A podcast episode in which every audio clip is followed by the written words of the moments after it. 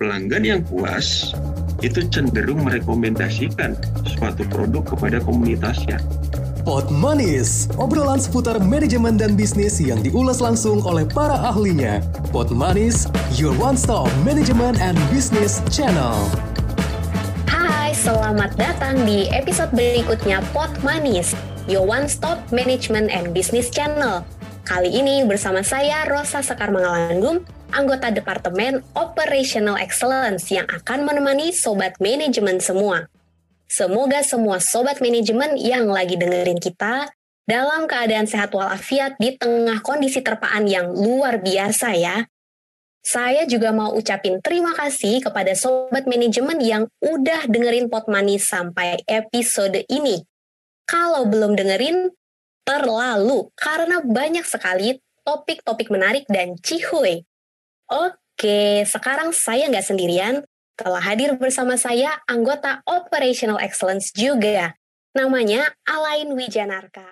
Senang sekali bisa ikut meramaikan pot manis ini. Sekarang bagaimana kabarnya? Sehat. Oke, demikian juga sobat manajemen yang lainnya. Semoga tetap sehat, tetap semangat, dan terus berpikir positif. Hati-hati loh kalau ngomongin positif, negatif, sekarang agak sensi. Nggak mau positif, maunya negatif. Oh iya juga ya. Tapi negatif positif itu kan sebenarnya menunjukkan indikator tingkat keberadaan. Wah, pas banget nih ngomongin indikator. Padahal nggak ada settingan ya. Yang mau dibahas itu indikator keberhasilan organisasi. Masuk sih? Tapi memang benar sih ngomongin indikator keberhasilan ya. Apalagi di masa seperti ini ya, di masa pandemi. Banyak organisasi itu yang nggak muluk-muluk indikatornya indikator keberhasilannya ya paling cuman kelancaran aliran uang atau pendapatan. Wah, iya kah? Kalau katanya Goldratt, sasaran organisasi itu... Goldratt anak mana nih? Anak mana nih? Eh, Goldratt itu dia ngetop sama pendekatan teori of constraint. Cari aja pendekatan teori of constraint. Dia bilang, eh kayak temenan ya, pakai dia bilang. Dia bilang tuh di konsepnya ya, kalau sasaran organisasi itu menghasilkan uang untuk saat ini dan di masa depan. Dan rasanya tuh berasa banget deh di saat ini. Jadi sebaik apa pun produknya, tapi kalau nggak diminati, nggak diserap oleh pasar, ya nggak akan jadi uang.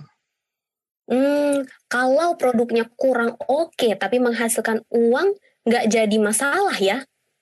Ya sebetulnya masalah juga karena kan tadi menghasilkan uang di saat ini dan masa depan.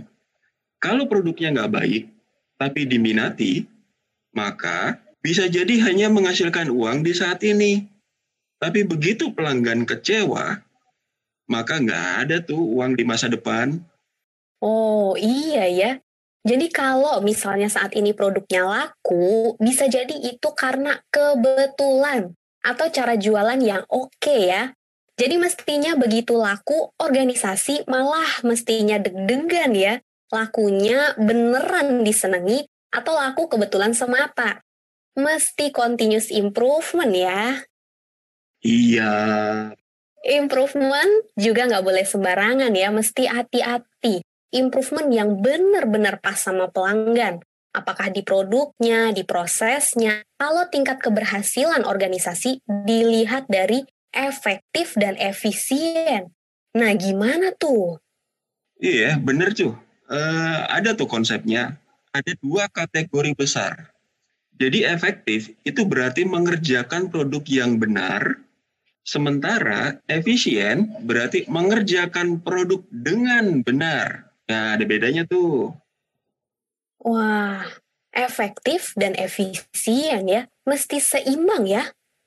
Ya gini deh, eh, contoh efektif itu misalnya kalau kita nepok nyamuk lah ya, nepok nyamuk pakai tangan, nyamuknya mati, ya itu dikatakan sebagai efektif. Kalau nyamuknya cuma satu, itu dikatakan efisien. Nah itu contoh dari efektif dan efisien. Efektif karena nyamuknya mati, efisien karena cuma pakai satu tangan. Oh, kalau nepoknya pakai tangan ya merah-merah jadinya. Nggak efisien pakai raket nyamuk biar efisien bisa kena banyak. Yoi. Jadi tapi gini ya, efektif dan efisien itu uh, berlaku kok di semua perusahaan ya, di semua industri, baik yang produknya sifatnya barang maupun yang sifatnya jasa. Bisa semuanya deh pokoknya. Oh, bisa barang, bisa juga jasa. Tapi nih, Sobat manajemen pengen tahu juga kalau mau nentuin efektif dan efisien, ngitungnya gimana ya? Paling gampang sebetulnya ngukur efisien itu dari kapasitas. Kalau misalnya kapasitas itu terpakai semua, berarti efisien bagi perusahaan. Tingkat penggunaan sumber dayanya menjadi tinggi. Tapi, atau acuan tingkat sumber daya dikatakan tinggi rasanya belum ada acuannya deh, belum ada referensinya deh. Itu kan tergantung dari proses operasi atau karakter dari produknya. Kalau misalnya nih, perusahaan manufaktur, tingkat penggunaan sumber dayanya cenderung tinggi karena dia bisa memproduksi terus hasilnya. Meskipun hasilnya atau produknya tidak belum diserap oleh pasar, bisa dijadikan stok. Hmm, itu kalau manufaktur Tur, kalau jasa nggak bisa dijadiin stok ya, kayak tukang cukur kan nggak mungkin dong nyetok cukuran. Hehe, masa ada tamu datang begitu masuk ke ruangan rambutnya langsung tercukur rapi? Nggak mungkin sih untuk kondisi saat ini ya. Mungkin nanti kalau eh, uh, 30 tahun ke depan ada kali ya. Jadi kita uh, magic gitu, potongan magic. Wah, Magic luar biasa ya. Kalau jasa itu produksi sebenarnya konsumsinya hampir berbarengan dengan produksinya. Misalnya tamu masuk baru dicukur rambutnya ya. Ya, nah itu sebetulnya jadi PR uh, bagi perusahaan yang produknya jasa. Karena mereka cenderung nggak bisa melakukan stok. Jadi, mau tidak mau pelanggan harus nunggu tuh dan menunggu itu kadang-kadang perusahaan nggak bisa kendalikan. Wah, menarik nih. Kayaknya sobat manajemen juga pengen tahu lebih dalam kenapa kira-kira? Ya gini, karena kalau di jasa itu permintaan pelanggan cukup beraneka ria gitu ya, aneka ria safari. Macem-macem. Kalau kayak di contohnya di tukang cukur lah di barbershop. Ada yang mau potong nih rambutnya dihabisin ada yang mau dirapiin aja, ada yang potongan belah tengah, ada yang model K-pop, model Upin Ipin, rambutnya di tengah dibikin kayak antena gitu kan. Banyak sekali permintaan-permintaan kayak itu. Bingung ya perusahaan nih.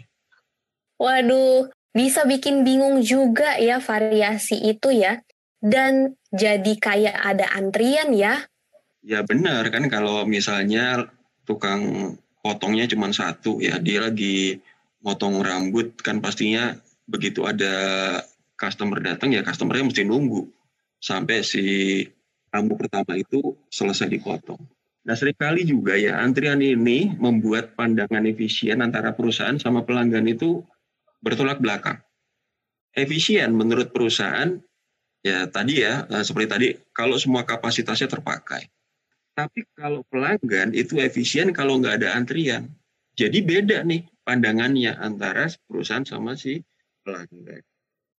Wah, menarik nih. Ada perbedaan, tapi sebetulnya ada nggak caranya imbangin efisien menurut perusahaan jasa dan pelanggan? Kayaknya kalau perusahaan jasa itu nggak bisa menghilangkan antrian 100% deh. Karena intinya gini ya, kalau mau menghilangkan antrian 100%, perusahaan jasa sebenarnya tinggal memperbesar aja kapasitasnya. Tapi kan mau berapa besar investasi yang dikeluarkan? Misalnya nih, tukang cukurnya ditambah, kursinya ditambah, ruang cukur ditambah, alat-alat juga ditambah. Nah, dampaknya banyak biaya yang keluar ya. Yang paling murah ada nggak? Yang paling murah? Hmm. Yang lebih mahal banyak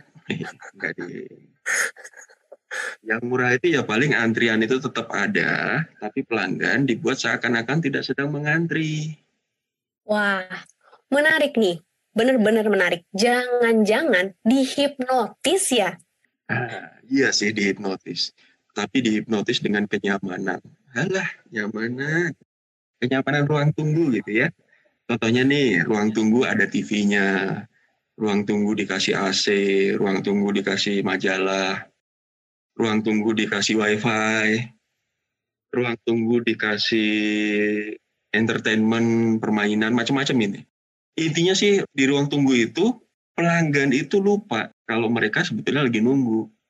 Pasti enak banget ya kalau ruangannya begitu nyaman. Tapi kalau di masa pandemi ini, apa masih ada harus menunggu? Pasti masih ada deh. Ya kayak itu aja lah. Kemarin itu ada antrian BTS Mil apa coba kalau nggak ngantri. Jadi meskipun nih, meskipun kita eh, kondisi pandemi ini kita nggak datang fisik gitu ya. Meskipun kita nggak menunggu di lokasi toko, ya kita kan masih menunggu di rumah. Salah satu cara supaya nggak banyak antrian, ada nih yaitu melakukan reservasi.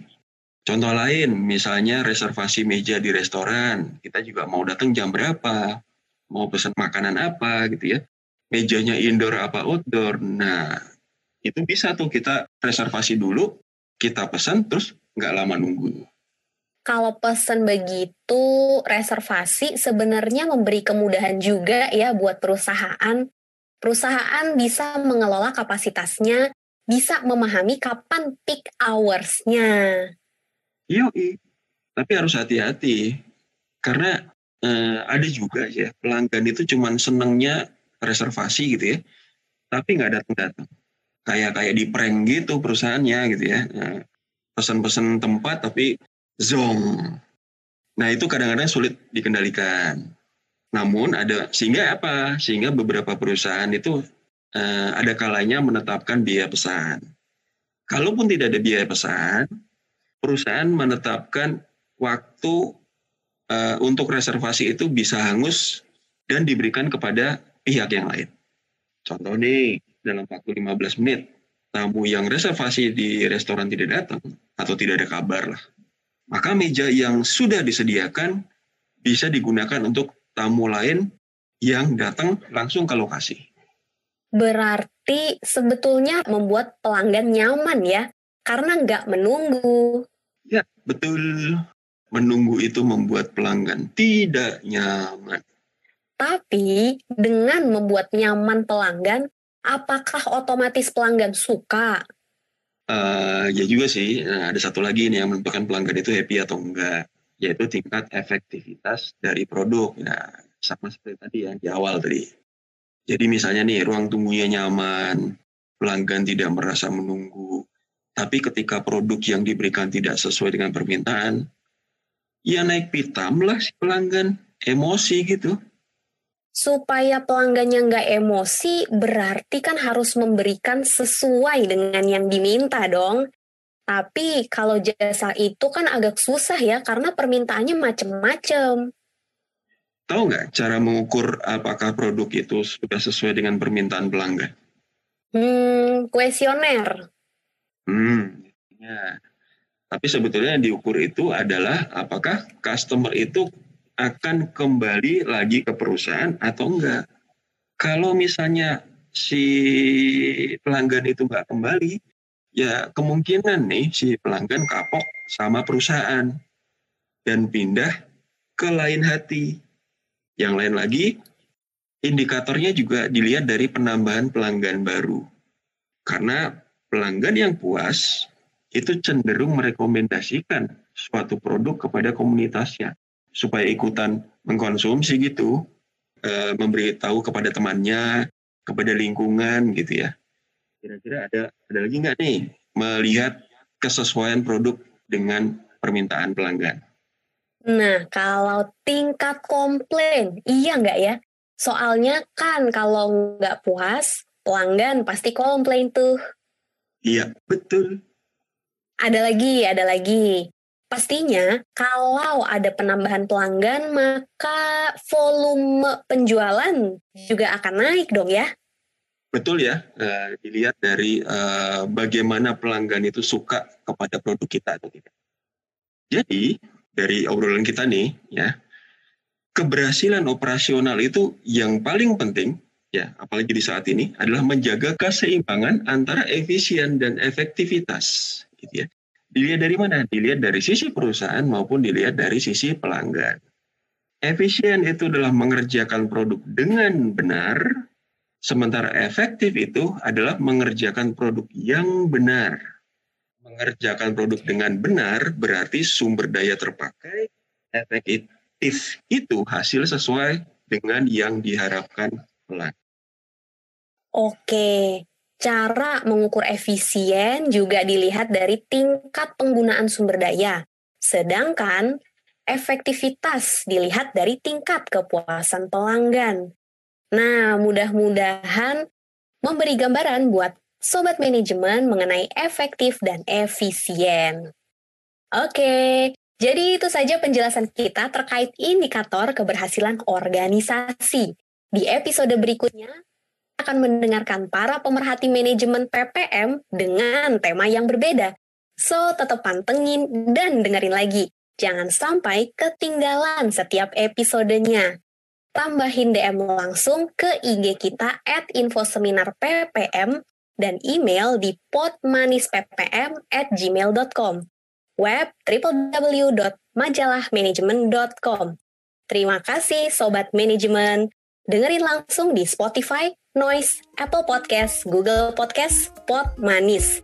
Pot Manis, your one-stop management and business channel.